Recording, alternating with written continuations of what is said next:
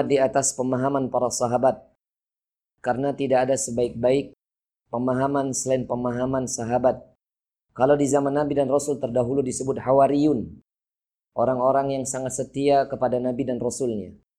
Dan Alhamdulillah atas izin Allah Subhanahu wa taala kita berkumpul di waktu yang sama, di kesempatan yang sama dan berada di jalan yang sama insyaallah.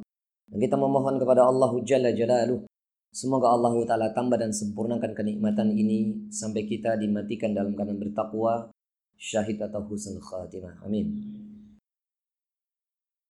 Ikhwati fillah rahimani wa rahimakumullah. Yang pertama ingin kami sampaikan kepada antum sekalian, barakallahu fikum.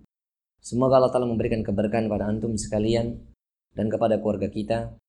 Karena saat ini kita sedang berada jihadu fi sabilillah Berjihad di jalan Allah. Jihad di jalan Allah yang pertama adalah ma'rifatul Islam. Mengenal Islam. Karena di dalamnya ada ma'rifatullah wa ma'rifatul Nabi. Sedangkan orang-orang hari ini terserang dengan syubhat. Disangkanya jihad yang pertama adalah berangkat di medan perang. Sementara mereka bodoh dalam pemahaman agama. Dan ini adalah tidak utama dibandingkan yang memahami agama itu sendiri. Alhamdulillah, semoga keberkahan ini sampai kepada anak cucu kita. Kemudian jamaah yang dimulakan oleh Allah, sebelum kita berbicara materi kita yakni sifat puasa Nabi yang ada salatu wassalam.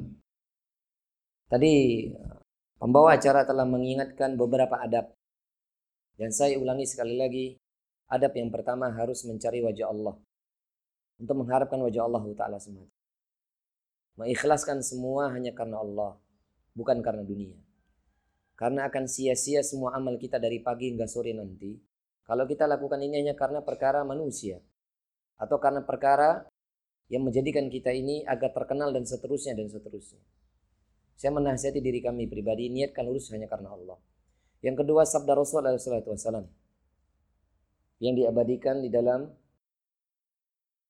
kitab hadis Arba'in Nawawiyah atau dalam kitab Sahih Bukhari dari sahabat Amirul Mukminin Nabi Hafsin Umar ibn Al Khattab radhiyallahu taala yakni adab majelis yang pertama adalah bagi ikhwan mendekat kepada sumber suara. Nah, ini agak jauh ini. Karena ada penuntut ilmu itu mendekat, bukan jauh. Sementara yang di belakang itu banyak yang mau datang. Maju, Pak. Tapi yang boleh dekat sama anak hanya yang ikhwan, yang akhwat nggak boleh. Nanti ada yang cemburu nanti. Antum yang cemburu. Ya. Jadi ikhwan harus mendekat, itu adab. Di sini juga boleh kalau mau. Jadi kalau ngantuk, gampang saya menegur. Karena dalam hadis Ummu Sunnah itu, Jibril datang, datang dalam bentuk manusia memakai pakaian yang terbaik. Serba putih, Tadi saya mau pakai jubah putih sebenarnya. Tapi karena saya tahu meranggen ini panas. Jadi saya nggak jadi pakai jubah. Maafkan daku ya akhi. Tadi sudah pakai jubah saya ganti. Ya nggak usah pakai jubah lah. Sumuk di sini kayaknya. Kayaknya. Makanya saya merubah lengan pendek. Mohon maaf. Bukan tidak menghormati antum. Kayaknya ada yang guyu-guyu kayaknya. Yang kedua, Jibril datang dalam berkataan eh, berkeadaan rapi, kemudian wangi. Makanya adab yang pertama. Adab yang ketiga, ikatlah ilmu dengan tulisan. Ikatlah ilmu dengan tulisan. Dan ini jadi alasan bagi kami, kenapa tulisan kami, yang sebenarnya itu mau saya rampungkan sebelum acara beberapa daurah dalam satu bulan ini ada 6 sampai 7 daurah fikih puasa di berbagai tempat. Dan ini adalah kitab yang baru saya rampungkan di awal bulan Sya'ban. Kenapa saya tidak bubui semua dalil di dalam daurah ini? Pertama tujuannya agar ikhwah sekalian mencatat. Karena semua poin yang berada dalam tulisan saya itu, insya Allah ta'ala semoga diberkahi, itu ada dalilnya semua. Maka nanti kalau kita diberi kemudahan sama Allah, salah satu obat supaya tidak mengantuk apalagi tidur, menulis. Dan kalau masih ngantuk, bawa balsem enggak? Jadi ditulis. Yang berikutnya ikhwah, yang antum harus ketahui, itu kitab saya beri nama sifat puasa Nabi alaihi. Dikarenakan saya mencontoh gurunya guru kami. Kami punya guru seorang alu hadis Indonesia. Dia muridnya Syekh Rabi atau muridnya Syekh Nasruddin Al-Albani. Langsung berguru kepada dua syekh ini. Syekh Rabi dan Syekh Nasruddin Al-Albani. Kalau Ustaz kami Ustaz Zainal Abidin dia berguru kepada Syekh bin Bas. Tapi kalau Ustaz Salim Al-Muhdar dia adalah muridnya Syekh Rabi atau muridnya Syekh Nasruddin Al-Albani. Syekh Nasruddin Al-Albani itu punya kitab namanya Sifat Salat Nabi alaihi salatu wasallam. Maka kenapa saya kasih kitab ini bernama Sifat Puasa Nabi alaihi salatu wasallam? Karena mencontoh Syekh Nasruddin Al-Albani. Kemudian kitab itu saya baru mengambil dari beberapa rujukan kitab. Saya tidak mencontoh kitab ini dan saya tidak mencontoh kitab yang sudah dibuat teman kami, sahabat kami, Ustaz Abdul Tuasikal. Saya nggak mencontoh kitab itu. Karena saya mengambil dari lima kitab minimal selain Al-Quran. Saya ambil yang pertama dari kitab fikih klasik Bulughul Maram. Karena ikhwan di sini termasuk Airfan itu sudah ngaji sejak tahun 2007-an awal atau 2006. Kitab fikih saya ajalam kitab Riyadus Salihin. Karena di penghujung kitab Riyadus Salihin itu ada bab babus saum beberapa dalil di dalamnya. Kemudian yang ketiga saya ambil dalam kitab Sahih Fikih Sunnah. Ini yang saya bawa. Sahih Fikih Sunnah dikarang oleh Al-Syeikh Abu Malik Kamal bin Said As-Salam. Kenapa saya ambil dalam kitab ini? Karena di dalam kitab ini beliau mengungkap beberapa khilafiyah di antara ulama. Kemudian saya ambil kitab yang keempat adalah Minhajul Muslim yang dikarang oleh Syekh Abu Bakar Al-Jazair yang dipakai juga dalam kajian Ustaz Khalid Basalama di Jakarta. Tapi saya ambil sebagian dari kitab itu. Dan terakhir saya ambil yang kitab Kutubu Tis'ah. Sembilan kumpulan hadis-hadis ulama hadis. Kenapa saya mengambil dari banyak kitab dan mungkin nanti saya akan mengambil dari kitab Rodotul Anwar fi Sirati Nabil Al-Mukhtar. Karangan Syekh Rahman Al-Mubarak Furi berkenan tentang sirah turunnya perintah puasa. Kenapa ikhwah? Saya mengambil beberapa kitab-kitab tersebut dan mungkin nanti dalam melengkapi kitab tersebut ke depannya akan kita jadikan buku dan insya Allah taala nanti yang mengedit adalah murid anak Irfan. Nanti beliau akan menyempurnakan buku ini setelah nanti habis daurah dalam bulan ini. Kenapa kita memerlukan banyak kitab dalam memahami fikih? Fikih itu maknanya bisa ditulis. Fikih itu maknanya secara mudah adalah fikih penjelas tata cara ibadah. Fikih adalah penjelas penjelasan tata cara ibadah. Penjelasan tata cara ibadah. Itu makna fikih. Lah, karena berbicara fikih, hampir setiap kaum muslimin atau tolabul ilm memahami di dalam urusan fikih atau tata cara ibadah itu terdapat banyak sekali khilafiyah di antara para ulama. Jangankan ulama madhab ada berapa? Berapa jumlah ulama madhab? Ada berapa? Thalatha asyara. Ada 13 jumlah total ulama madhab. Baru dengar kan? Yang terkenal ada empat. Dan itu pun sebagian kita banyak yang dah hafal urutannya. Pertama Imam Abu Hanifah atau Imam Hanafi. Kedua adalah Imam Malik dan Imam Abu Hanifah pernah berguru kepada Imam Malik. Karena Imam Malik ini ulama ahlu hadis kota Nabi. Dan dua-dua ini hidup di zamannya tabi dua tabi'in. Kemudian yang ketiga, Imam Malik punya murid terbaik, Al-Imam Al-Imamuna Mujtahid, Imam Asy-Syafi'i. Ya. Kemudian Imam Asy-Syafi'i punya murid banyak dan salah satunya adalah Imam Ahmad bin Hambal. Maka keempat ulama mazhab ini berbeda dalam urusan fikih. Tapi dalam urusan akidah semua sama. Mereka adalah ahlus sunnah wal jamaah. Yang semua keempat-empat ini mengatakan Allah di atas arsh. Ya. Jadi kalau ada yang mengatakan Allah berada di mana-mana, berarti menyelisihi Imam Syafi'i. Padahal Imam Syafi'i adalah ulamanya madhab Asia. Mereka tidak mengimani sebagian besar kepada akidah Imam Syafi'i dan mengambil sebagian kecil dari fikihnya Syafi'i. Kalau memang mereka mengambil fikihnya Syafi'i, harusnya istri-istri mereka dan anak-anak mereka memakai burkoh, bukan hanya nikob. Minimal nikob cadar, tapi memakai burkoh, bahkan sarung tangan. Itu kalau Syafi'i ya. Maka ikhwani fiddin aziyakum uh, rahimanallah wa iyyakum jami'an. Karena di antara ulama mazhab ini, empat ini aja kita bahas. Tabi dua tabi'in adalah Imam Malik. Ulama lo hadisnya kota Nabi. Kalau Imam Abu Hanifah. Di bawahnya tabi'ut, tabi'at, tabi'ut wa tabi'ut wa tabi'in. Imam Asyafi'i. Kemudian Imam Muhammad bin Hambal muridnya lagi. Imam Muhammad bin Hambal muridnya Imam Al-Bukhari. Imam Bukhari punya murid Imam Imam Muslim. Imam Muslim punya murid Imam Anasai. Kemudian Imam Turmidi. Sampai Imam-Imam Ad-Darukutni, Ad-Darimi, dan seterusnya. Nah, karena empat ulama madhab ini jaraknya jauh dengan Rasul alaihi salatu wassalam. Kenapa terjadi khilafiyah? Karena jarak mereka jauh. Paham ini ya? Paham? Lah, sementara jemaah yang dimuliakan oleh Allah, kebutuhan kaum muslimin hari ini ingin mengetahui bagaimana Rasulullah beribadah. Sebelum saya lanjutkan beberapa dalil, ini mukaddimah, belum ada di buku antum. Saya mau tanya sama antum sekalian. Siapakah manusia yang sudah saya sampaikan di kajian saya yang lain? Siapakah manusia yang paling benar ibadahnya kepada Allah dan paling sempurna?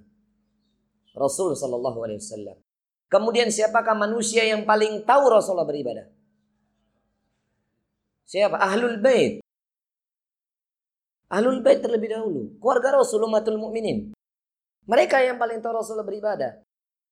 Kemudian anak-anaknya dan kemudian cucu-cucunya. Mereka yang paling tahu. Kemudian siapa? Khalafah Rashidin. Sebagaimana sabda Rasul dalam riwayat Imam Muslim. Fa'alaikum bisunnati wa sunnati khalafai Rashidin al-Mahdiyin. Maka atas kalian ikutilah petunjukku.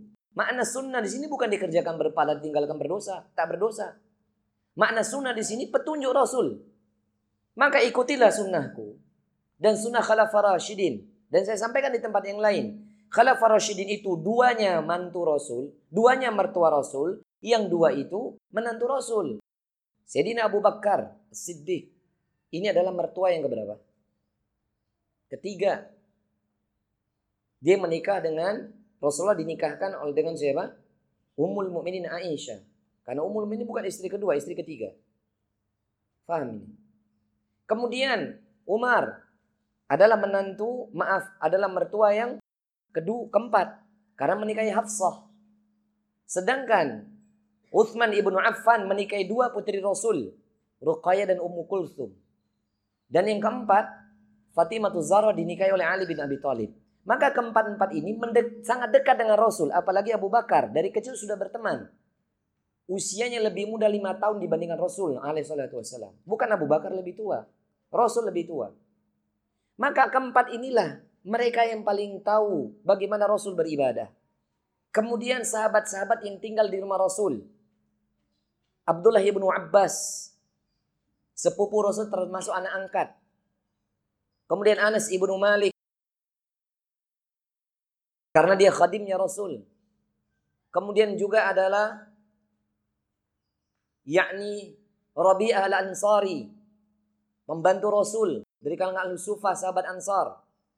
Kemudian Anas Abdullah ibnu Mas'ud, Abdullah ibnu Umar, dan sahabat-sahabat yang lain dipilih oleh Allah untuk mengetahui bagaimana Rasulullah SAW.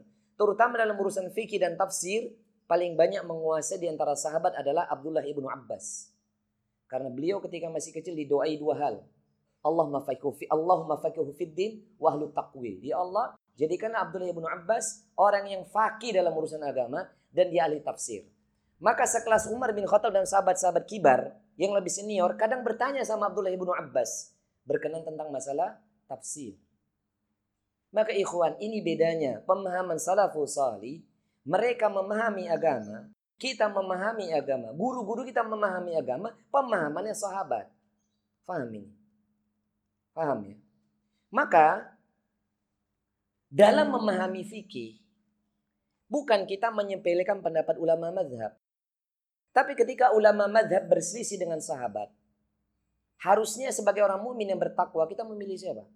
Imam Syafi'i atau sahabat Abdullah ibnu Abbas? Abdullah ibnu Abbas. Karena keempat ulama mazhab ini semua mengatakan di dalam kitabnya, kalaulah seandainya, dan ini sudah disampaikan dulu, awal dengan akhir fan ngaji dulu, awal. Kalau seandainya ada ijtihadku yang berseberangan dengan sabda Rasul alaihi salatu wasallam, tinggalkan ijtihadku, ambil sebagai mazhabmu sabda Rasul alaihi salatu wasallam. Itu perkataan mereka berempat. Ini beda ya akhi, ini beda. Ini bukan kajian akidah, ini bukan kajian sirah. maka harus saya sampaikan dulu masalah fikih. Nah, karena ulama mazhab saja sendiri bersandar kepada sabda Rasul, kita harus memilih dan mengambil ulama-ulama yang berlandaskan bersandarkan kepada pemahaman sahabat, bukan pemahaman mereka. Paham ini? Sampai sini paham? Dan sebenarnya jamaah, bagi kita sangat mudah dalam menjalani menjalani agama ini. Misalnya para ulama telah menjadikan kaidah usul, kaidah usul atau kaidah utama dalam memahami agama dengan menggunakan firman Allah Subhanahu wa taala surah Al-Hasyr ayat ke-7. Boleh dicatat, boleh tidak. Yang tidak mencatat silakan tidur. Wa qala ta'ala wa ma atakumur rasulu fakhudhuhu wa ma nahakum anhu fantahu. Al-Hasyr ayat ke-7. Dan apa pun yang dibawa oleh Rasul alaihi wasallam buat kalian, fakhuduhu, maka ambillah. Nahakum anhu fantahu. Dan apa yang dilarang oleh beliau maka tinggalkanlah. Jadi dalam menjalani agama ini sederhana ikhwah. Apa yang dibawa ambil. Apa yang dilarang tinggalkan. Tapi kebanyakan kaum muslimin bahkan kita yang dahulu seringnya mengambil apa yang diajari oleh guru-guru kita, kiai-kiai kita, ustadz-ustadz kita tanpa mau mengetahui dalilnya mana. Terus ngapa buatan? Sahih? Ya. Yang penting manut Pak Yai. Yang penting manut Pak Ustadz. Maka sering saya sampaikan dalam kajian anak. Antum jangan contoh anak. Contoh Rasul dan para sahabat. Karena kebaikan gak ada pada anak. Kebaikan hanya milik Allah dan ada pada Rasul. Maka seorang dai yang benar jangan muridnya mencontoh gurunya. Contoh Rasul dan para sahabat. Pahami. Ambil apa yang dibawa Rasul, tinggalkan apa yang dilarang Rasul. Kenapa demikian jemaah? Karena kita harus paham apa yang diucapkan Rasul dan apa yang disampaikan Rasul, apa yang dicontohkan Rasul bukan berdasarkan syahwatnya. Semua adalah wahyu dari Allah sebagaimana Allah Ta'ala mengingatkan dalam surah An-Najm ayat ketiga dan keempat. An-Najm ayat ketiga dan keempat. Ini mukaddimah ini baru. Mukaddimahnya mungkin satu jam. Sabar ya. Kitabnya nanti dipakai. Apa kata Allah? Wa ma yantiqu 'anil hawa in huwa illa wahyu yuha. Dan apa pun yang diucapkan Rasul alaihi salatu wassalam, apa pun yang diperbuat Rasul alaihi salatu wassalam bukan berdasarkan syahwat beliau, tapi akan tetapi melalui wahyu dari Allah Subhanahu wa taala. Buktinya mana? Saya akan sampaikan buktinya akhi dalam kitab sirah Nabi. Radatul Anwar fi sirati Nabi Al-Mukhtar. Karangan Syekh Syiframan Al-Mubarak Furi. Hadis Bukhari Muslim. Juga ada dalam kitab Al-Bidayah wa Nihayah karangan Al-Imam Ibnu Kathir. Antum bayangkan. Rasul usia 50 tahun. Setelah beliau ditinggal pamannya, ditinggal Ummu, Khadijah binti Khuwailid. Berapa bulan kemudian Allah Ta'ala diperintahkan menikahi teman dekatnya Ummu Khadijah yang menjadi istri kedua kelak. yakni Ummu Sauda. Usia 65 tahun, akhi. Bapak ada 50 usianya, Pak? 50 berapa, Pak? Lepas. Saya mau tanya, Pak. Kalau Bapak disuruh menikahi usia 65, mau nggak, Pak? Nggak, nggak mau. Hampir semua laki-laki di sini kalau suruh nikahin nenek-nenek ngapunten ya. Kalau ada yang usianya udah 60 ngapunten sangat. Mana ada laki-laki mau nikah usia 65 tahun kecuali modus tuh laki-laki. Kalau nenek-nenek sugi ora. Ini modus berarti. Ya? Tapi mana ada? Maka Rasul nggak pakai syahwat ketika menikahi Ummu Sauda. Ini perintah Allah. Setelah menikah Ummu Sauda, nikahi anak kecil usia cucunya 6 tahun. Ummul Mukminin Aisyah. Mana ada syahwat yang nikahi Pak? Mau nggak nikahi usia cucunya, Pak? Mana ada? Ini menjadi dalil. Rasul itu menikah karena bukan mahunya Rasul, bukan syahwatnya Rasul. Karena perintah Allah Jalla Jalalu. Menikahi. Kemudian Ummu Aisyah usia 3 ta 9 tahun. Dari 6 sampai 9 tahun. Baru setelah haid yang pertama datang. Suci langsung disuruh jima. Mana ada usia 53 tahun Rasulullah. 54 tahun. 54 tahun lebih. Menjimai seusia cucunya 9 tahun. Mana ada Pak kalau bukan karena Allah telah memerintahkan. Ini akan terbantahkan semua orang-orang Syiah, orang-orang munafik yang membenci Rasul katanya kegatalan menikah anak kecil. Gak ada usia usia 54 mau menikahi usia cucu gak ada, Pak. Faham Bapak Ibu? Belum lagi nanti Rasul disuruh menikahi mantan istri dari anak angkat beliau Zaid bin Harithah. Suruh menikahi, sudah dicerai suruh menikahi. Mana ada yang mau? Ini membuktikan Rasul berucap dan bertindak bukan dari syahwatnya, namun dari siapa? Wahyu Allah. Kemudian jamin menekan oleh Allah.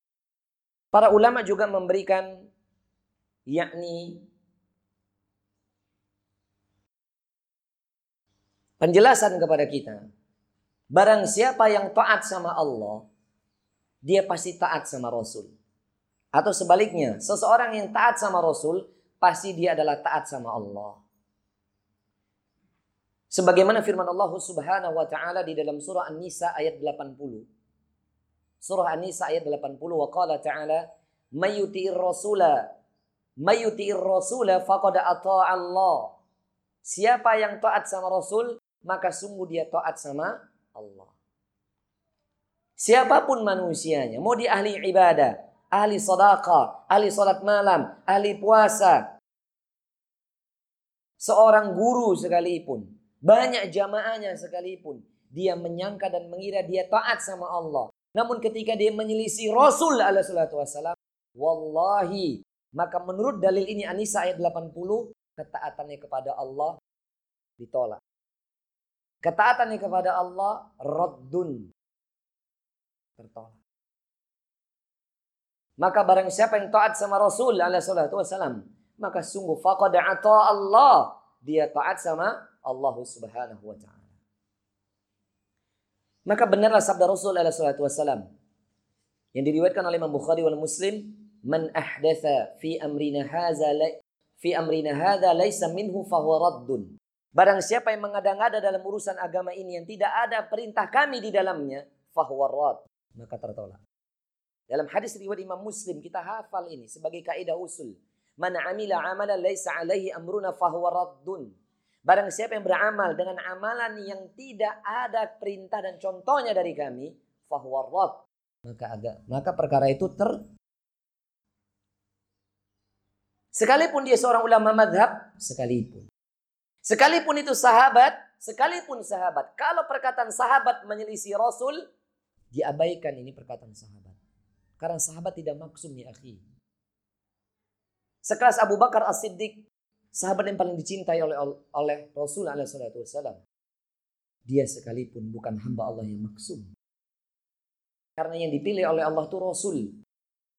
Wa rabbuka yakhluqu ma yasha'u wa yakhtar. Dan Rob kamu menciptakan apa yang dia kendaki dan apa yang dia pilih. Wa makana lahumul khiyara. Tidak ada pilihan bagi kalian sedikit pun. Maka Rasul tetap yang paling utama dan utama. Faham ini? Faham? Ya, terus kemudian jamaah. Karena kita ini berbicara fikih.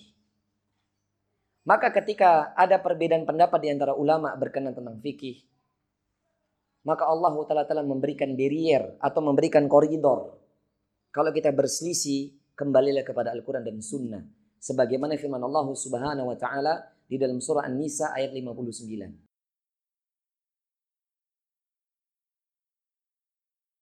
Wa qala ta'ala فإن تنازعتم في شيء فردوه إلى الله ورسوله إن كنتم تؤمنون بالله واليوم الآخر فإن تنازعتم maka jikalau kalian menemukan perbedaan-perbedaan pendapat menemukan perbedaan satu saja dalam urusan agama ini dalam urusan ibadah faruddu kalimat fa di sini bagi yang sudah belajar bahasa Arab Pak Irfan faham maksudnya serta merta cepat Rudduhu kembali, merujuk, menuju ilallah, menuju kepada Allah.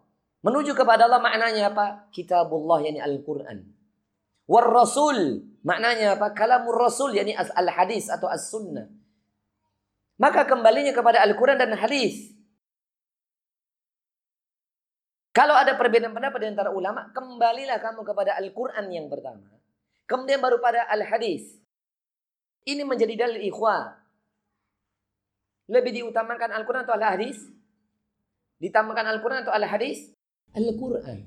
Maka jikalaupun ada seakan-akan kita membaca hadis, ini kok kontradiktif dengan isi Al-Quran. Sebenarnya tidak ikhwah. Karena kita saja yang bodoh. Mungkin kita pernah baca hadis. Kok ini berseberangan Al-Quran? Bukan berseberangan. Karena kita tidak tahu syarah ini hadis. Karena kita belum tahu hadis-hadis yang lain. Kalaupun ada hadis sahih sekalipun menurut ulama hadis. Ini sahih. Namun berseberangan dengan kalamullah yakni Al-Quran tinggalkan al-hadis. Saya sampaikan ke tadi malam di Boja. Dan saya sampaikan di kajian-kajian anak yang lain. Musim-musim fitnah seperti ini. Banyak orang-orang yang dia Masya Allah memenuhi syahwatnya. Agar memenangkan syahwatnya. Memakai hadis-hadis yang tidak jelas kesohiannya. Yang sampai katakan. Yakni jadilah kalian seperti semut-semut Ibrahim. Dan burung pipit. Yang mematikan apinya membakar Nabi Ibrahim. Anak berpikir dari isi hadis saja udah mencurigakan. Apa ada zaman Nabi Ibrahim burung pipit? Burung cocok rawono ora? Boy. Nek seandainya ini pun sahih, bagaimana firman Allah Subhanahu wa taala di dalam surah Al-Anbiya ayat 69? Ketika Nabi Ibrahim dicampakkan dari sebuah ketapel ingin masuk ke dalam lubang besar isinya api membakar membara-bara. Apa kata Allah? Ya naru kuni bardau wassalama ala Ibrahim. Wahai api, jadilah kamu bardan wassalama kesejukan dan keselamatan bagi Ibrahim. Jadi yang menyejukkan api itu, yang memberikan keselamatan api itu bukan semut. Bukan burung, tapi Allah Jalla Jalalu. Dan ini dipakai bagi orang-orang maaf. Orang-orang yang bergerak di harokiun, harokiun. Yang mereka tidak berdasarkan Al-Quran dan hadis. Bukan saya benci sama mereka. Gara-gara politik. Pakai dalilnya sembarangan nih. Padahal Allah Ta'ala mengingat, wala tashtaru bihi thamanan qalila. Gak boleh kamu menjual ayat-ayat Allah dengan harga murah. Anda nggak berbicara politik di sini. Anda bukan membela paslon satu atau paslon dua. Gak ada kepentingan bagi Anda dalam urusan kajian. Gak urusan bagi Anda urusan politik. Berlepas diri semuanya pada pada urusan itu. Ente mau milih silakan, enggak enggak masalah. Mau nyoblos silakan, enggak nyoblos silakan. Ya enggak boleh nyoblosnya enggak enggak. Ya itu apa? Zina itu nyoblosnya enggak enggak. Itu enggak boleh, haram. Paham ini ya? Ini batil ini perkara ini. Anak akan sampaikan ke mana pun anak berada. Anak akan sampaikan ini.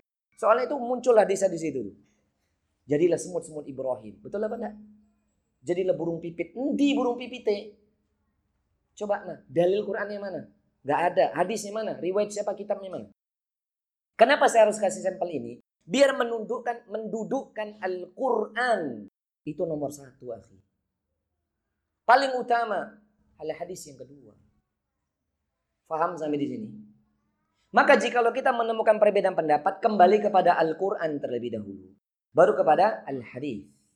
Dan dikasih peringatan sama Allah, In kuntum tu'minuna billahi wal yaumil akhir. Jikalau kamu betul-betul beriman kepada Allah dan yaumil akhir. Faham ini? Faham? Berarti kalau nanti kita menemukan perbedaan pendapat dalam urusan ibadah, kembalikan kepada yang mana dulu? Al-Quran. Bahkan kemarin, anak ketika di daerah Banyumanik, kita membahas fikih tolak, bab talak itu. Saya menggunakan Al-Quran dulu, baru Al-Hadis. Karena itu konsep akhi dalam memahami agama nggak bisa ngambil hadis dulu. Seperti saudara eh, teman-teman kita yang semoga mereka diberi hidayah. Tuh lihat itu LDII, yang mereka di yang jelas dikatakan mereka bukan Islam dan sesat menurut Majelis Ulama Indonesia fatwa tahun 70-an. Sampai sekarang belum berubah itu fatwa. Mereka menggunakan kutubutis, kutubusita. Hanya berdasarkan enam kitab hadis yang mereka memahami pakai akal mereka. Mereka seakan-akan meninggalkan Al-Quran. Ini nggak boleh. Mereka bisa masuk ingkarus sunnah. Faham ini ya? Atau mereka meninggalkan Al-Quran. Karena Al-Quran dulu yang utama. Ini faham. Sebelum kita masuk fikih. Faham dulu nggak ini dalam masalah fikih? Berarti yang pertama jadi hujah yang mana? Dalil Al-Quran. Yang kedua apa? Al-Hadis. Baru ketika ada permasalahan kontemporer, barulah kita melihat merujuk perkataan sahabat. Baru kemudian tabi'in, kemudian tabi dua tabi'in dan ijmal ulama atau jumhur ulama di mana kita mengambil. Sehingga ketika kita menemukan perbedaan pendapat, kita harus mencari yang paling rajih, yang paling kuat dalam urusan ibadah. Paham sampai di sini? Paham? Hal fahimtum? Are you understand? Yes, keta-keta. Jawabnya gitu ya. Yang ngantuk sudah tidur? Belum. Baik.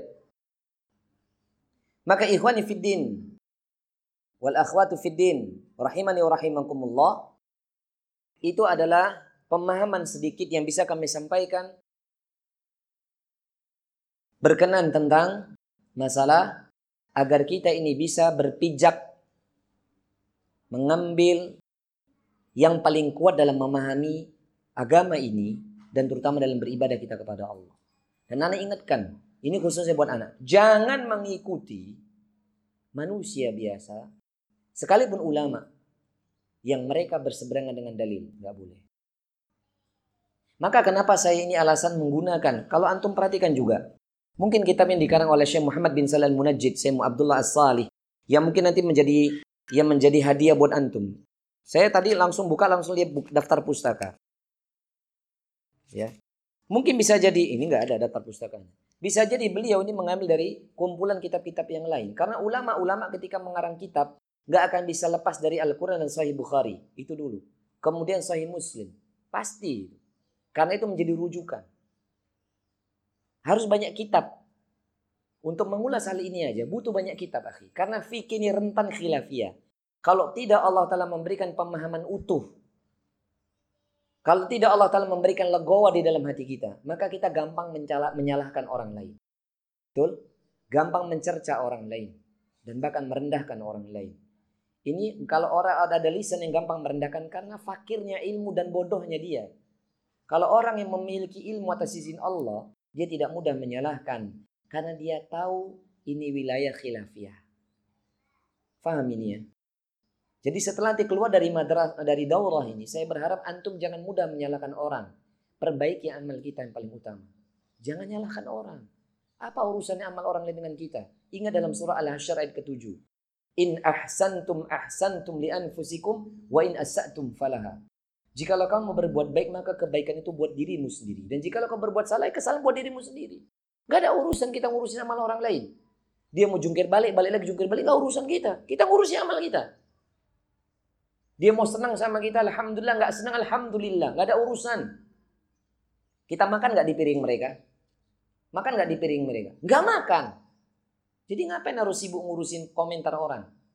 Sabar aja, akhi. Shuwaya, shuwaya. Apa itu? Wallace way.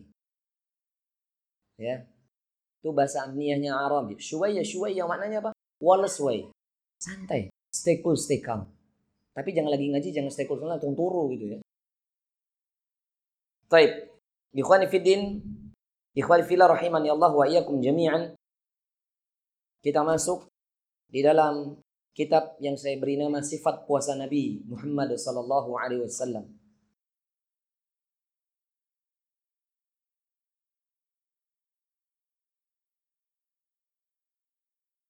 Saya kasih yang pertama disebut adalah al-maddatul ula. Al-maddatul ula maknanya materi yang pertama.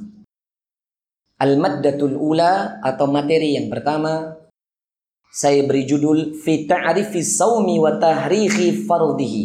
Apa maknanya? Fi ta'rifi saum, mengenal apa itu saum. Definisi puasa dalam bahasa kerennya definisi puasa.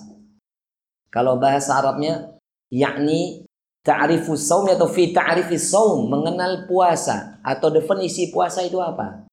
Wa tarikhi fardhihi dan sejarah turunnya puasa itu kapan?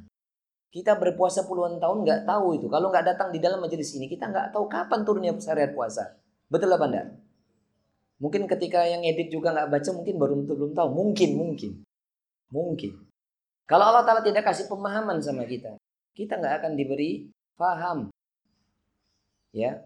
Pertama yakni as-saum atau as-siyam fil lughati pengertian puasa, siam atau saum dalam bahasa adalah al-imsaku wal kaffu anisy menahan diri dari segala sesuatu. Menahan diri dari segala sesuatu. Nah, menahan diri dari segala sesuatu ini seperti yang saya ambil dalam kitab Sahih Fikih Sunnah yang dikarang oleh Al-Fadilatul Syekh Muhammad eh, Abu Malik Kamal Salam bin Said Salam Saum makna lughahnya adalah menahan diri dari segala sesuatu. Bahasa menahan diri dari segala sesuatu ini sebagaimana Allah telah mengkabarkan tentang cerita Ummu Maryam bintu Imran. Ummu Maryam bintu Imran atau dia punya anak namanya siapa? Isa. Bin bintu kok bintu apa bin? Bin apa bintu? Bin bin Maryam. Yani karena masa fitnah itu terjadi, saat dia dituduh sebagai seorang wanita penzina, dia mengatakan, Waquli inni nadartu lirrahmani sauman. Surah Maryam ayat 26. Sita wa. Surah Maryam ayat 26. Fakuli maka aku berkata ini sesungguhnya nazartu aku bernazar berkeinginan li rahman kepada Allah yang Maha Pengasih sauman berpuasa. Maknanya apa? Menahan diri.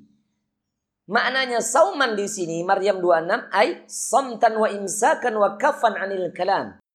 Maknanya adalah berdiam diri, menahan segala ucapan.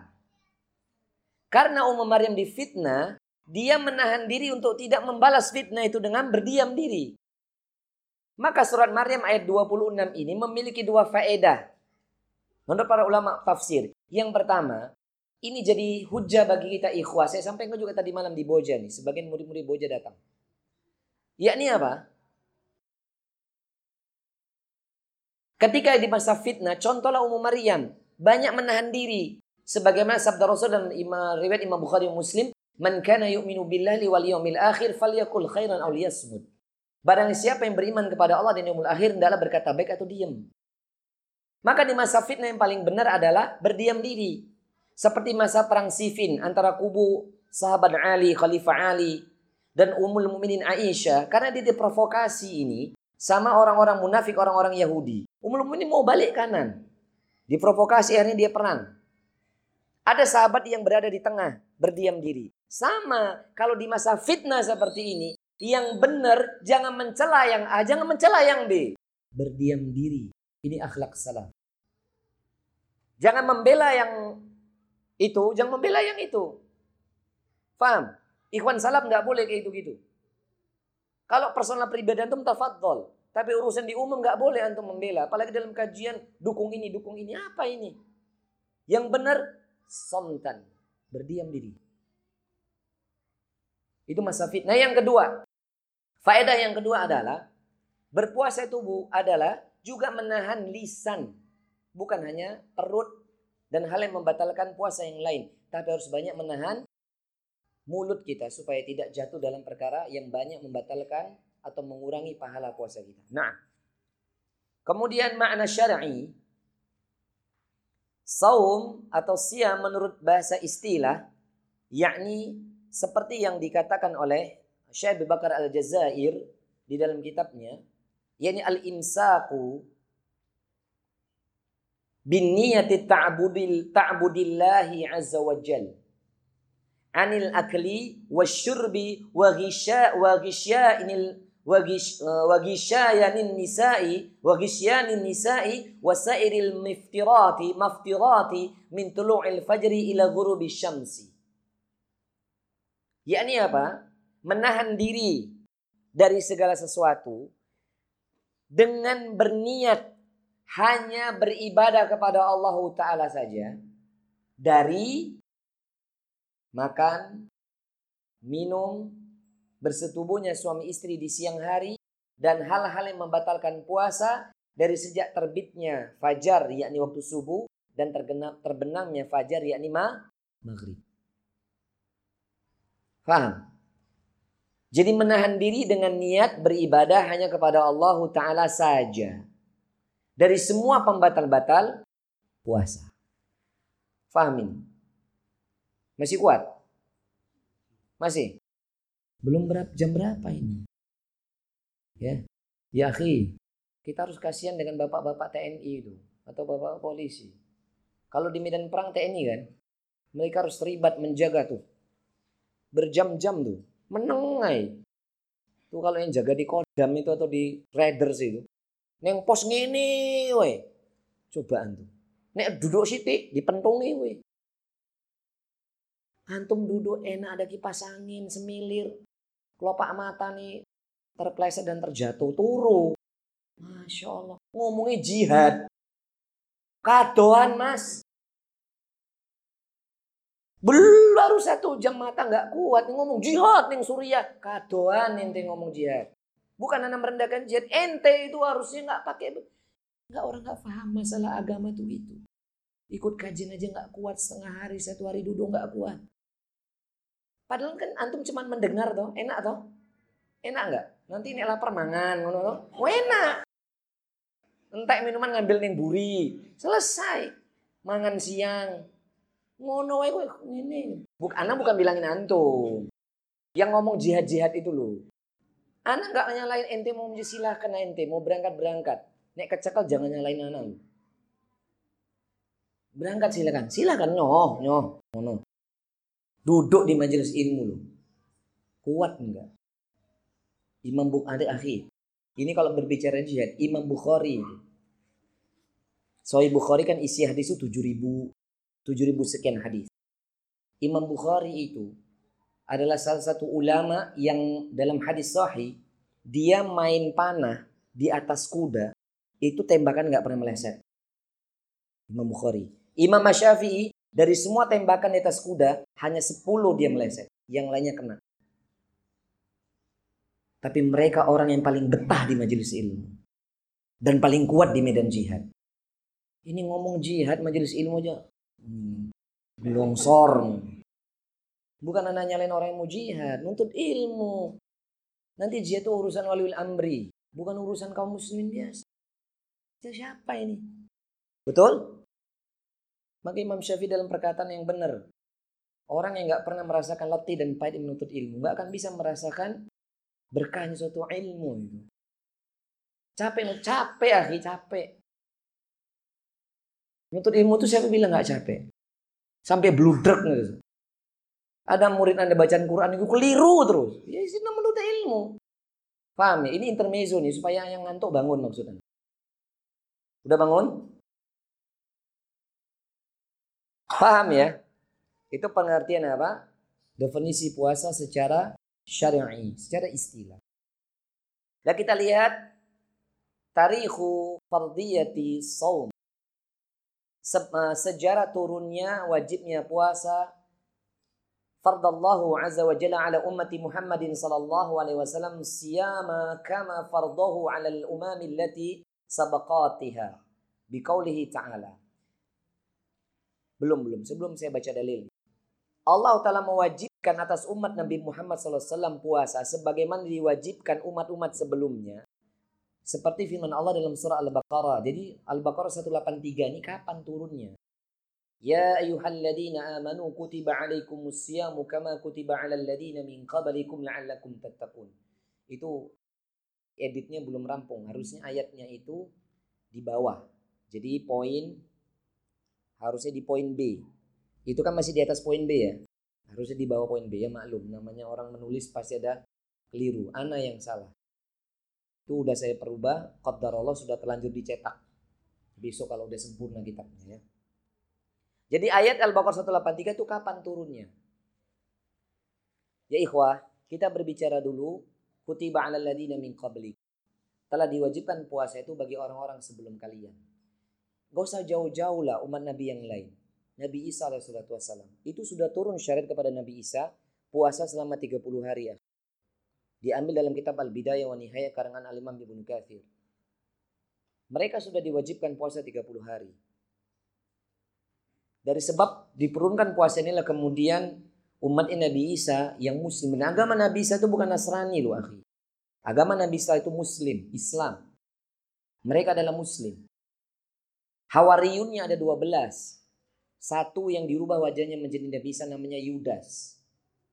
Dan yang disalib itu, itu adalah Yu, Yudas. Bukan Yesus. Mereka berdusta itu. Kemudian umat Nabi Nabi Isa itu fakir miskin.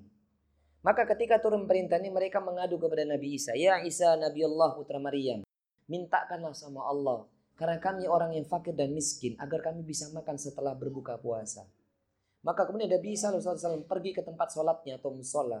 Habis sholat dua rakaat dalam hadis sahih. Kemudian mengadakan tangannya ke atas langit meminta kepada Allah agar diturunkan hidangan. Maka habis sholat dia kembali ke umatnya. Turun hidangan dari langit. Wallahi. Turun hidangan langit dengan bernampan-nampan. Maka kemudian dalam perjanjian lama ada namanya perjamuan. Dan itu memang benar. Tapi perjamuannya orang-orang Nasrani sekarang itu dusta. Mereka alihkan. Di situ ada khomer. Paling tidak ada khomer. Khomer kalau sini apa? Congyang. Topi miring. Kalau tempat saya tua namanya. Di Medan tuh tua namanya. Gak ada. Turun dari 30 hari turun itu. Nah, berarti memang ada puasa zaman dulu. Dan sekarang juga diwajibkan. Kapan turun perintah ini? yakni wa kana dzalika fi yaumil isnain turunnya perintah puasa bagi umat Nabi Muhammad di hari Senin min syahri Sya'ban di bulan Sya'ban seperti ini sanata isnataini minal hijratil mubarakah di tahun kedua dari hijrah atau tahun ke-15 dari nubuah atau kenabian itu turun padahal perintah sholat itu turunnya tahun ke-11 setelah wafatnya Ummul Mukminin Ummul Mukminin Khadijah dan pamannya Baru tahun ke-11 dinaikkan ke Sidratul Muntaha. Itu pun setelah hijrah ke Taif. Nah ini banyak kaum muslimin nggak tahu. Merasa paling kefaham Islam. Sejarahnya aja nggak ngerti. Betul nggak? Betul apa enggak? Merasa paling sunnah. Merasa paling salah. Tapi ditanya sejarah nggak tahu. Istri kelima Rasul aja nggak tahu. Malu nggak kita?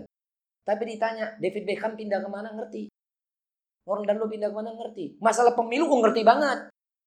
Tapi masalah Rasul nggak tahu. Malu kita akhi sama Allah. Apa kita pantas dibakui sebagai umat Nabi Muhammad? Sejarahnya aja nggak ngerti. Perintah sholat tahun ke-11. Dari nubuah. Perintah puasa tahun ke-15. Yang awal setelah hijrah. Tahun hijrah kedua. Tahun hijrah kedua kan hijrah tahun ke-14. Tahun ke-15 masuk tahun kedua dari hijrah. Fahamnya? Masuk tahun kedua dari hijrah awal-awal. Langsung itu turun perintah Ramadan di bulan Sya'ban. Atau dari tahun ke-15 nubuah. Nubuah itu berarti Rasulullah usia ke berapa? 55. Karena Rasul diangkat menjadi usia 40, jadi Nabi Rasul. Tahun ke-13 dari nubuah berarti usia 53 itu mau hijrah. Tahun ke-14 berada di Madinah berarti usia 54, usia 55 di awal turun ini perintah puasa. Paham? Berarti sudah ngerti sekarang. Ramadan itu kapan diperintahkan? Alhamdulillah. Sudah tahu Ustaz, sudah baca kitabnya tadi nungguin Ustaz. Ya iya. Alhamdulillah. Ya kan? Selama ini kita nggak tahu puasa-puasa aja. Puasa yang penting sahur, buko, mangan, tarawih, turu. Gitu toh? Mulai tahun ini nggak boleh gitu. Karena ingat kata Imam Al-Bukhari, babul ilmu qabla al-qawli wal amal.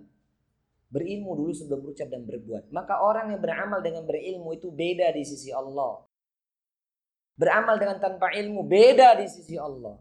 Minimal kita tahu sejarahnya turun, kita dapat keberkahan sempurnanya amal kita ikhwah. Semoga Allah Ta'ala kabulkan hal ini semua. Amin. Kemudian kita masuk al-maddatu tsaniyah. Al-maddatu tsaniyah materi yang kedua. Materi yang kedua, kita akan berbicara tentang apa? Yakni fi fadli saumi wa fawaidihi. Apa itu maknanya? Keutamaan-keutamaan berpuasa di bulan Ramadan dan faedah-faedah yang terkandung di dalamnya. Yang pertama, keutamaan. Ini saya sadur dari beberapa kitab. Yang pertama adalah pahala yang sempurna dan dua bulan hari raya umat Islam. Pahala yang sempurna dan dua bulan hari raya umat Islam. Dicatat di lembaran antum saya sebut nomor hadis. Hadis yang diriwayatkan oleh Imam Bukhari. Dalam kitab Sahih Bukhari, hadis nomor 1912. 1912. Hadis riwayat Imam Bukhari nomor hadis 19 12 dan dalam kitab Sahih Muslim 1089 atau 1089 Bunyi hadisnya An Abdurrahman bin Abi Bakrah. Jadi bukan Abi Abi Bakar As-Siddiq bukan. Abu Bakrah. Dari Abu Abdurrahman Abi Bakrah an abihi dari ayahnya radhiyallahu taala anhu ridha Allah taala atasnya anin Nabi sallallahu alaihi wasallam dari baginda Nabiullah sallallahu alaihi wasallam syahra eh tangannya salah. Syahrani. Nanti kalau saya gini dikira politik. Padahal gini biasa aja kan, dikira politik nanti saya. Syahrani la yanqusani. Syahrani dua bulan La yang kusani tidak ada kekurangan di dalamnya. Maknanya apa? Kalau tidak ada kurang berarti sempur. Sempurna ada kekurangan enggak? Dua bulan yang sempurna. Dua bulan yang tidak ada kekurangan di dalamnya. Artinya apa, akhi? Di dalam setiap hari, di dalam setiap detik, di setiap waktu dua bulan ini selama dua bulan penuh, sempurna semua. Bahkan kalau diterjemahkan sempurna pahalanya, seperti dalam hadis Muslim, ila ad'afin kathira, hitungannya tak terhingga, unlimited. Emang Telkomsel dan Oppo Indosat Huawei unlimited. Ya. Ya ila ad'afin kathira, dalam hitungan yang sangat banyak tak terhingga. Maka hanya ada di dalam dua bulan ini, akhi. Hanya dalam dua bulan ini. Kemudian syahra ram'a, kemudian dikatakan syahra idin. Syahra id. Dua bulan hari raya. Maknanya apa? Kita ini umat Islam punya dua bulan hari raya berturut-turut akhi. Kalau kita setahun sekali kan tahunya hari raya Idul Fitri dan Idul Duha. Itu hari raya kita. Eh salah. Bukan hanya itu hari raya kita. Kalau setiap pekan itu hari Jumat. Paham? Makanya hari Jumat itu hari raya, hari raya kita. Maka di situ banyak sekali faedah termasuk hari bersenang-senang bersama pasangan. Kok kok ketawa? Iya kan, ibadah. Enggak masalah, kita senang ketawa boleh. Apalagi Masya Allah, sebelum subuh atau ba'da subuh. Maaf, berjima dengan istri. Masya Allah, top. Anak-anak konturu kape. Dapat pahala ini. Karena ini Yomul Aid. Kemudian Yomul Aid dua bulan. Jadi dua bulan. Ramadan namanya Ramadan. Ramadana wa Dhul Hijjah. Bulan Ramadan dan bulan Dhul Hijjah. Jadi tanggal 1 Ramadan sampai akhir Ramadan. Satu Zulhijjah sampai akhir Zulhijjah. Kullal yaum. Setiap harinya adalah Yaumul Allah. Dan itu kalau kita nggak ngaji nggak tahu akhi. Itu hari raya umat Islam. Dan itu hari raya kita. Kita yang berhak. Dua bulan dalam setiap harinya. Maka apa alasan orang yang ketika datang Ramadan dia ini bersedih? Harusnya gembira. Apa alasan orang kalau datang Zulhijjah dia bersedih? Harusnya dia bergembira. Karena dua bulan itu di dalam setiap waktunya kita berlebaran berhari raya ini. Dan berhari rayanya umat Islam di Indonesia. Hari raya umat Islam di dunia adalah beribadah kepada Allah. Bukan menghambur-hamburkan duit beribadah kepada Allah karena hasilnya nanti kita akan jumpa di surganya Allah ikhwah. Nah. Kemudian yang kedua, asyamu junnah. Puasa sebagai perisai. Puasa sebagai perisai. Sebagaimana dalam hadis ya yakni dicatat Hadis yang diriwayatkan oleh Imam Ahmad. Bab kedua hadis 414. Bab kedua hadis 414. Kemudian riwayat Imam An-Nasai. Bab keempat hadis 167. Hadis 167. Bunyi hadisnya gimana? Qala Nabi sallallahu alaihi wasallam asyamu junnatun minan nar. Puasa itu adalah perisai dari api neraka. Apa maknanya puasa perisai dari api neraka? Berarti seseorang akan dijauhkan dari api neraka. Kajunnati kajunnati ahadakum ahadikum minal kital. Sebagaimana perisai bagi salah seorang di antara kalian saat berada di medan perang. Kalau zaman dulu perisainya adalah baju besi. Kalau sekarang apa dan? Ropi anti peluru, tapi tidak anti rudal. Betul enggak? Dan tidak anti panah. Iya, anti peluru boleh, tapi kalau dipanah tembus itu. Ya. Paham ini? Makanya mana ini sunnah Rasul yang luar biasa, ikhwan. Antum bagian penonton Rainbow itu, coba. Pakai panah nggak dia? Maka saya sarankan bapak-bapak TNI dan bapak polisi yang ditugaskan negara untuk menjaga negara ini latihan memanah, jangan hanya memegang senjata. Karena panah itu luar biasa. Paham ini? Kalau nggak pernah latihan panah nggak tahu. Karena panah itu hanya bisa tepat sasaran bagi hati yang tenang. Hati yang sabar dan ikhlas. Dan biarkan Allah mengarah, mengarahkan ke mana anak panah tersebut. Bukan panah asmara lo ya. Ini mikirnya panah asmara, bukan panah beneran. Dan memegang panahnya Rasul yang Turki itu beda, akhi. Bukan gini, bukan gini. Ono caranya, ono ilmu nih. Mau belajar, jangan sama saya. Belajar sama guru. Antum belajarnya di sini aja. Nah, jadi ikhwan kita kembali ke dalam hadis ini. Puasa itu sebagai perisai dan perisai bagi orang-orang yang berada dalam medan perang.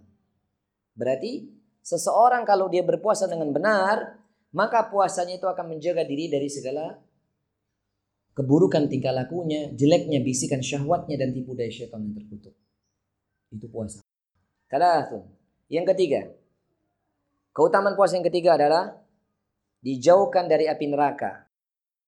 Ya, dijauhkan dari api neraka. Sebagaimana hadis yang diriwayatkan ini banyak sekali ya. Diriwayatkan oleh ini ada juga dalam kitab Riyadhus Shalihin riwayat Imam Turmizi nomor hadis 1622. Riwayat Imam Tirmizi nomor hadis 1622. Kemudian diriwayatkan oleh Imam An-Nasai Imam An-Nasai nomor hadis maaf, Imam An-Nasai bab keempat nomor hadis 172. Antum jangan tanya ya letak posisinya di mana nggak ngerti. Ya, jangan terkecoh dengan Ustadz Fulan. Karena lain penerbit lain letaknya. Ya. Paham nggak antum yang maksud? Anda nggak merendahkan fulan, bukan. Tapi jangan terkecoh. Letak sebelah kanan kiri agak pojok sitik, burung tentu. Mana penerbitnya terbitan siapa? Ya. Imam siapa tadi? Imam Anasai 172. Kemudian riwayat Imam Ibnu Majah. Imam Ibnu Majah. Nomor hadis 1718. Nomor hadis 1718. Kemudian riwayat Imam Ahmad. Riwayat Imam Ahmad nomor hadis 375. 375. 375. Khalas? Bunyi hadisnya Man soma yauman fi sabilillahi azza wa jal. Barang siapa yang berpuasa satu hari saja di jalan Allah. Maknanya fi sabilillah apa? Pertama aniyatulillah, niat yang karena Allah. Yang kedua apa? Itiba'u sunnah ala rasulillah. Kalau ketika dikatakan puasa di jalan Allah, berarti niatnya murni mengharapkan wajah Allah dan mencontoh Nabi alaihi salatu wasalam. Faham ini akhi? Faham? Ada tadi satu dalil yang saya lupa di atas tadi harusnya di mukaddimah. Ada hadis Rasul yang disahkan oleh Imam Bukhari Muslim. Sangat terdekatnya dari riwayat Abu Hurairah. Abu Hurairah radhiyallahu taala nanti hadis ini komplit nanti di di sesi ketiga mungkin. Kalau nyampe. Ya. Hadis riwayat Imam Abu Hurairah, qala Rasulullah SAW Rasulullah bersabda, qala Allah azza wa jalla Allah taala berfirman, "Kullu amali ibni Adam lahu." Semua amal perbuatan anak cucu Adam buat dirinya sendiri. Nanti tafsirnya ya. Semua buat anak Adam. Illa siyam kecuali puasa fa innahu li. Karena puasa ini milik aku kata Allah. Pertanyaannya kalau puasa ini milik Allah, Harusnya puasa mengikuti SOP-nya Allah atau SOP-nya manusia. Sesuai dengan perintah Allah atau perintah manusia. Maka kalau ada seorang ulama, seorang ustadz, seorang kiai yang berselisih dengan perintah Allah, yang diambil yang mana? Allah, karena puasa ini milik Allah, bukan milik kita. Paham? Paham? Nah. Maka barang siapa yang berpuasa satu hari aja di jalan Allah, zahzahallahu wajhahu anin nar, maka akan dijauhkan oleh Allah wajahnya dari api neraka. Bidzalikal yaumi sab'ina kharifan. Yang satu hari sama dengan 70 tahun perjalanan. Berarti kalau satu hari itu niatnya fisabilillah dan diterima sama Allah. Wajah kita akan dijauhkan dari api neraka selama 70 tahun. Berarti 70 kali 30 berapa akhi? 2100. 2100 tahun. Itu kalau hitungan di dunia. Tapi kalau Allah Ta'ala menghendaki satu hari itu yakni adalah yaumul akhir. Berarti satu hari di yaumul akhir sama dengan seribu tahun di muka bumi ini. Berarti coba bayangkan akhi. Satu hari itu sama dengan berapa? 70 kali seribu. Berapa? 70 ribu. Jadi kalau 30 hari sama dengan berapa? Hitung dewe. 2,1 miliar. Sudah saya hitung. Coba buka kalkulatornya. Faham nggak ini? Kalau satu hari sama dengan seribu tahun. Kalau ini satu harinya adalah hitungannya adalah yamul akhir. Tapi kalau kita nggak pakai ini coba aja lah 2100 tahun akhi. 2100 tahun. Sebulan penuh bulan Ramadan. Wajah kita ini na'u alhamdulillah semoga tidak akhi tidak dimasukkan dalam neraka dan semoga kita ini dikabulkan satu hari 70 tahun, sebulan 2100. Nggak mungkin seorang hamba itu masuk ke neraka maksudnya. Paham ini? Itu kalau dia dalam satu tahun dia temu Ramadan. Semoga kita ketemu dengan Ramadan-Ramadan berikutnya. Jadi kalau seumur hidup puasanya benar. Berarti kapan dia masuk neraka itu maksudnya. Selama dia tidak berbuat syirik loh ya. Dan tidak mengerjakan dosa-dosa besar yang lain. Paham? Nah, Berarti seseorang akan dijauhkan selama 70 tahun atau sebulan penuh 2100 tahun. Wajahnya dijauhkan dari neraka. Kemudian berikutnya adalah saya kasih di situ sesungguhnya orang yang berpuasa mempunyai doa yang tidak ditolak ketika dia berbuka puasa. Betul kan poin keempat di situ? Hadisnya catat hadis yang diriwayatkan oleh Imam Ibnu Majah Imam Ibnu Majah nomor hadis 1753. Diriwayatkan kedua adalah Imam Hakim. Imam Hakim. Di bab pertama hadis 422.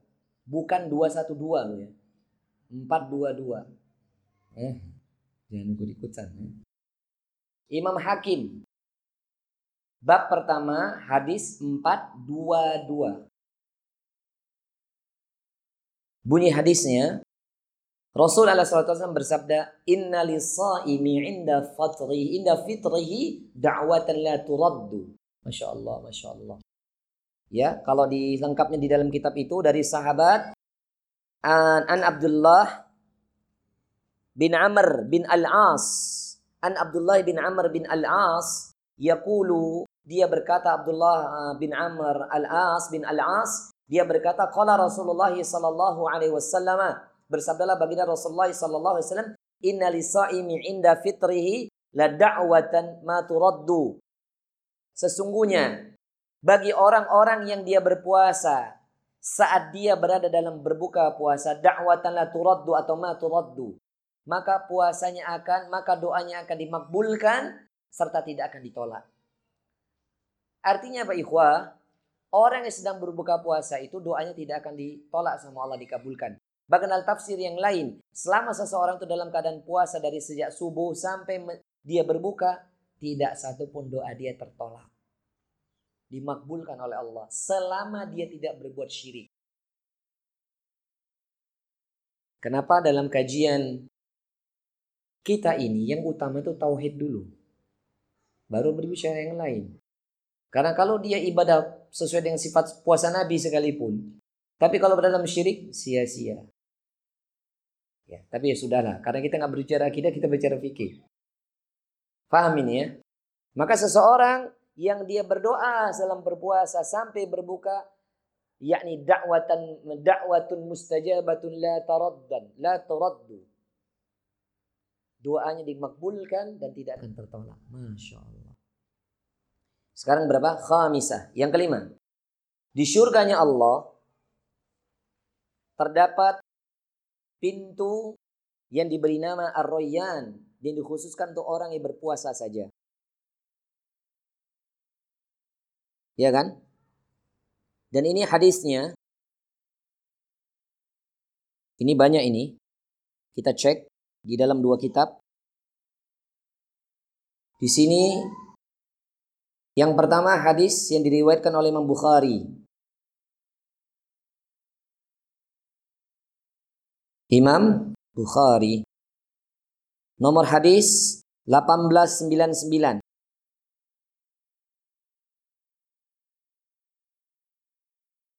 Delapan belas sembilan sembilan sudah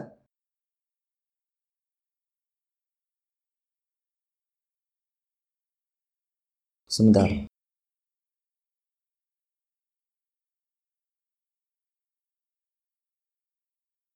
Kita agak dirubah ya, karena ini ada dua ada dua mirip hadis.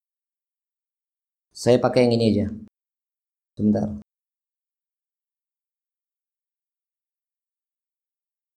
Di situ kan mutafakun alaih ya Bukhari Muslim ya. Betul ya yang di buku ana Bukhari Muslim ya. Kita pakai yang hadis ini aja yakni hadis Bukhari di bab ketiga nomor hadis 32. Bab ketiga nomor hadis 32. Kemudian lima Muslim di hadis ke-166 di dalam bab puasa. Kemudian yang ketiga Imam An-Nasai hadis nomor hadis 142 dalam bab puasa. Bunyi hadisnya adalah Inna fil jannati baban yuqalu lahur rayyan.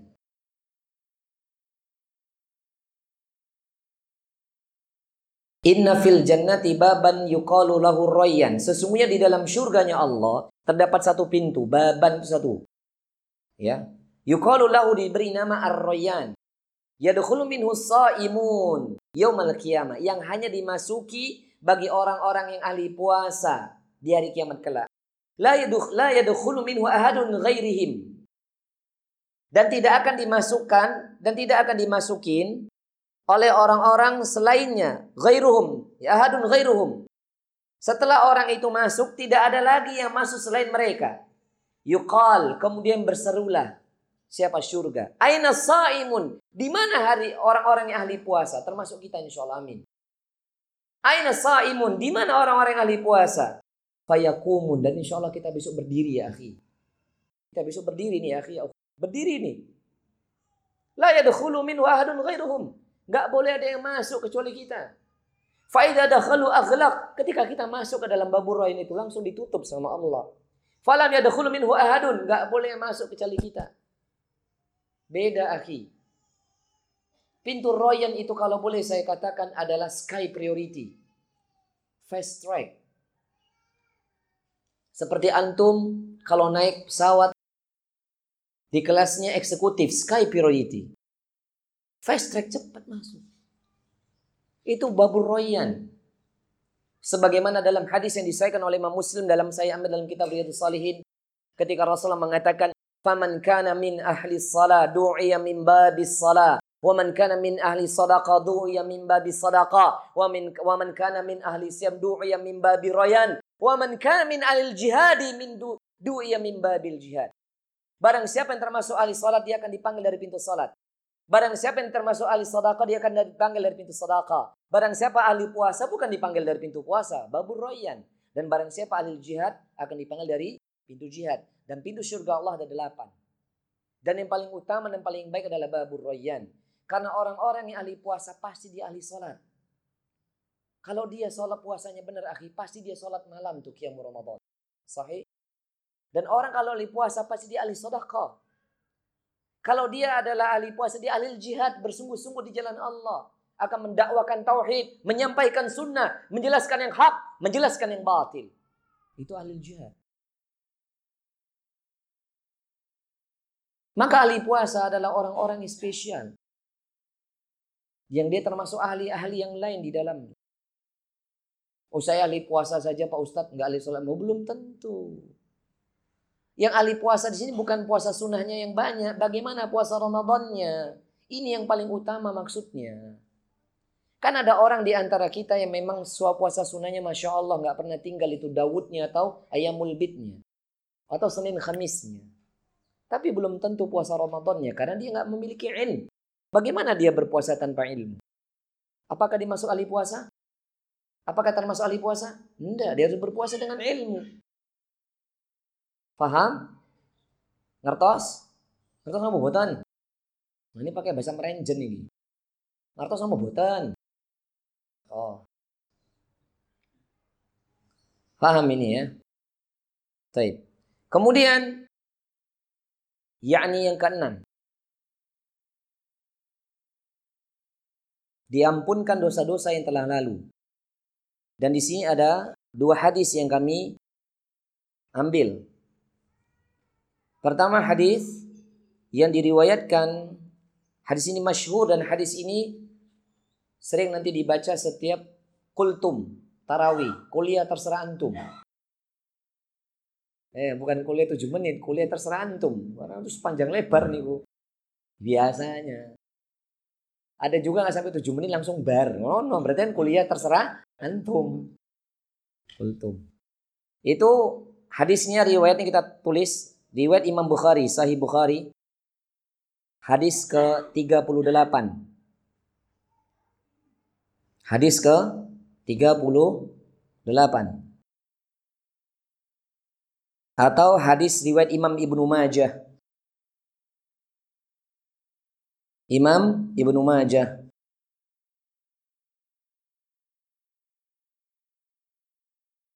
Nomor hadis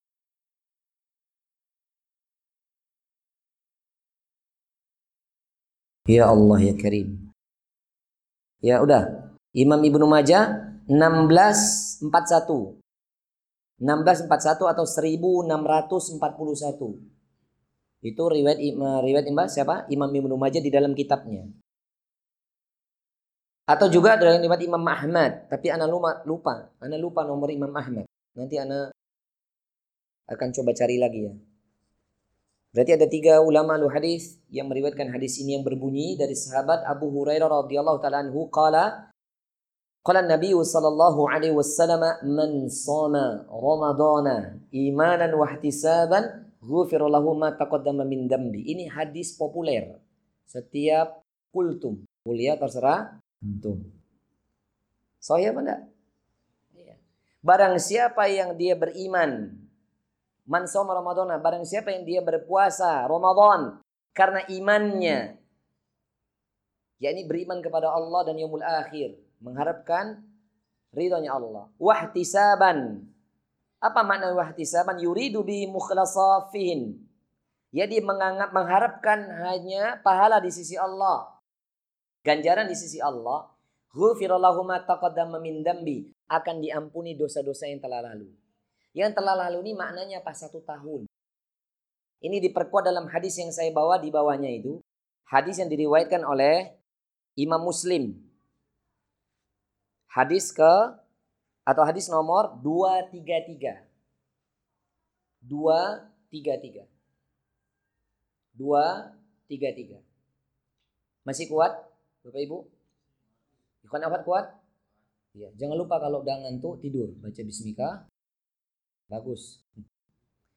Hadis riwayat Imam Muslim 233. Apa bunyi hadisnya?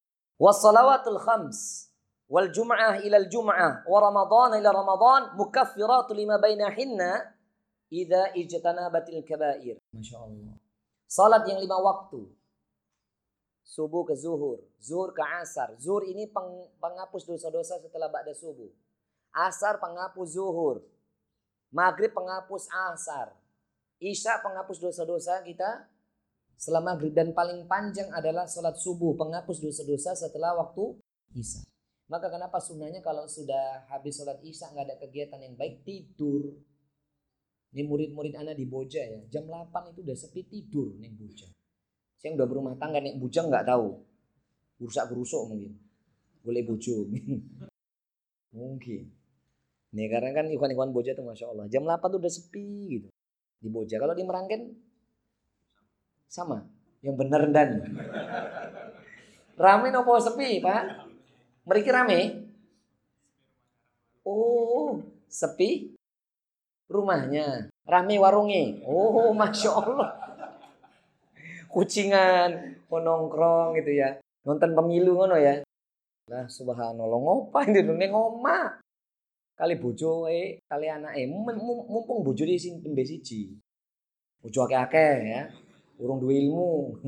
Yang dua ilmu urung wani. Ya salat lima waktu Jumat satu ke Jumat yang lainnya. Ramadan satu ke Ramadan yang lainnya adalah penghapus dosa-dosa di antara keduanya selama dia tidak mengerjakan dosa besar atau selama dia menjauhi dosa-dosa besar. Artinya akhi Ramadan yang satu yang tahun lalu sama sekarang, Jumat yang pekan lalu sama Jumat yang baru kita lalui, Salat lima waktu antar lima waktu yang lainnya, itu akan menghapus dosa-dosa apa? Dosa-dosa kecil, bukan dosa besar. Dosa besar itu hanya taubatan nasuha. Dan diperkuat tadi, selama dia tidak berada dalam dosa besar. Maka kalau dia ahli sholat, ahli puasa, malah puasanya 30 hari, sebulan penuh di Masjidil Haram. Tapi kalau dia masih berada dalam dosa besar, percuma itu dosa-dosanya. Nggak dihapus dosa-dosa kecilnya, akhi.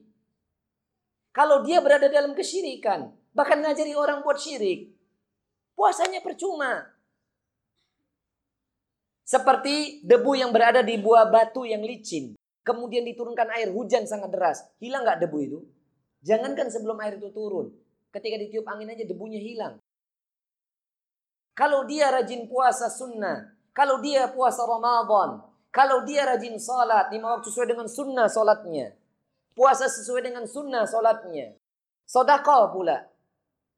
Bahkan di Masjidil Haram dia puasanya. Tapi kalau dia durhaka sama orang tuanya, tidak akan menghapus dosa-dosa di antara keduanya, akhi. Maka takutlah kita sama Allah. Dan ingat, dosa besar itu ada 76 dalam kitab Al-Kabair yang dikarang oleh Imam Badhabi. Tadi pagi Anda sampaikan. Baru sampai dosa yang ketujuh. Dan itu belum selesai. Baru mukaddimah dosa besar yang ketujuh memakan harta riba. Kalau orang masih makan harta riba dan tidak mau bertobat kepada Allah, maka Ramadan yang tidak akan diterima sebagai pengampun dosa di antara keduanya. Afwan, ini perlu Anda sampaikan buat Anda. Menggugurkan kewajiban, gugur. Tapi dosa-dosa tidak akan diampuni sama Allah. Kalau dia tidak mau bertobat. Nah, setengah sebelas ya, akhi. Ini yang terakhir, yang ketujuh. Yakni pintu surga dibuka dan pintu neraka ditutup oleh Allah Subhanahu wa taala. Ini saya ambil dalam kitab Kutubu Tis'ah. Kutubu Tis'ah. Hadis yang diriwayatkan oleh Imam Turmizi, nomor hadisnya 618. 618. An Abi Hurairah radhiyallahu taala anhu dari sahabat Abu Hurairah radhiyallahu taala atasnya dia berkata, "Qala Rasulullah sallallahu alaihi wasallam" Bersabdalah baginda Rasulullah sallallahu alaihi wasallam, "Idza kana awwalul lailatin min syahri Ramadhan" Apabila telah datang malam yang pertama di bulan Ramadan. Misal ini adalah hari terakhir bulan Sya'ban. Ya. Kemudian diputuskan, nanti kita berbicara masalah dalil. Hisabkah apa ru'yat? Yang jelas bukan ahli hisab.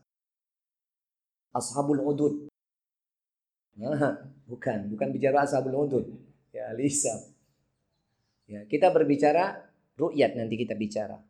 Nah, ketika ditentukan nanti adalah nanti malam atau besok, nanti malam terlihat hilalnya. Nah, mulai terlihat hilal dan pengumuman biasanya kan menjelang Isya atau pas Isya itu kan pemerintah kita. Misalnya kita nanti keluar teng gitu toh. Keluar kemudian apa kata Rasulullah SAW? Idza kana awal lailatin min syahri Ramadan apabila telah datang malam pertama di bulan Ramadan sufaddatis syayatin wa maraddatul jin wa ghalatil abwabin nar. Falam yaftahu minha babun wa futihati abwabul jannati falam yughlaq minha. Maka Allah taala akan menurunkan malaikat-malaikat dari langit. Ini tafsirnya hadis ini untuk menangkap syaitan-syaitan Dan syaitan yang pertama ditangkap oleh Allah adalah iblis. Karena iblis merupakan dedengkote syaitan. Di dalam surah Al-Kahfi ayat ke-50, posisinya sebelah kanan agak ke tengah dikit. Wa idh qulna lil illa iblisa kana minal jin dan tatkala kami berkata, berfirman kepada seluruh malaikat untuk bersujud kepada Adam. Maka semua malaikat sujud kepada Adam kecuali iblis. Dan dia termasuk golongan jin. Dan ini jadi dalil dalam kitab Al-Bidayah wa Nihayah karangan Al-Imam Ibnu Katsir dalam hadis Bukhari al-ghairuhu jin yang pertama diciptakan oleh Allah bernama Azazil. Dialah iblis yang sekarang. Dan iblis ketika dicampakkan dari surga, Adam turun ke bumi, dia juga ikut turun ke bumi dan dia membuat singgasana fil bahri dalam hadis Muslim di lautan. Tapi nggak tahu laut selatan atau laut mana nggak ngerti ya. Karena nggak ada keterangan laut selatan. Itu Indonesia banget. Poro Kidul. Gitu. Wallahu a'lam. Yang penting dia singgasananya di muka bumi di lautan. Dan nanti Allah Ta'ala menurunkan malaikat untuk menangkap iblis dan bala tentaranya. Kemudian di sana dikatakan wal jin yakni wa maradatul jin jin-jin pembangkang dibelenggu. Jadi kalau diibaratkan, saya nggak bicara negeri ini ya, kita berbicara negeri tetangga lah. Kalau misalnya iblis itu sebagai raja atau presiden, maka wakilnya ditangkap. Maka ketua DPR-nya ditangkap, ketua MPR-nya ditangkap, jenderalnya ditangkap, gubernurnya ditangkap semua, ditangkap sama Allah. Dalam hadis itu nanti iblis akan lari dia, mau lari, ditangkap, ditutui sama malaikat. Itu akan terjadinya setiap setahun sekali, malam bulan Ramadan. Semoga kita dijaga daripada tipu daya syaitan yang terkutuk. Ditangkap akhi. Kemudian pintu-pintu neraka ditutup oleh Allah dan tidak ada satu pun pintu neraka terbuka bagi makhluk. Dan pintu-pintu surga dibuka dan tidak ada satu pintu surga yang ditutup karenanya. Kemudian dikatakan di sini yakni wayunadi munadi ya baghil khair dan keluarlah suara seorang penyeru. Ya ba ya baghil ya baghil khair. Wahai penyari pencari kebaikan. Hai pencari kebaikan. Ta'al kamhiri tumiri-miri jani. Datanglah, datanglah. Ta'al dalam hadis ini. Akbil dalam bahasa dalam hadisnya akbil. Ayo kemarilah, kemari. Waya syarr. Wahai pencari keburukan. Aksir. Ya. Pergilah kamu. Berhentilah. Aksir kata di sini. Aksir. Berhentilah. Wallah. Khataka'u minan nari wa dhalika kulil lail. Berhentilah karena Allah mempunyai orang-orang yang terbebas mulai malam ini dari api neraka pada setiap malamnya. Masya Allah. Maka setiap malam di bulan Ramadan kita terbebas dari neraka. Bahkan ikhwah ada dalam hadis yang lainnya narupa riwayat siapa Imam Ahmad au ghairuhu. Kalau suatu saat bumi itu merasa panas, maka sejatinya panasnya api neraka sampai ke bumi ini.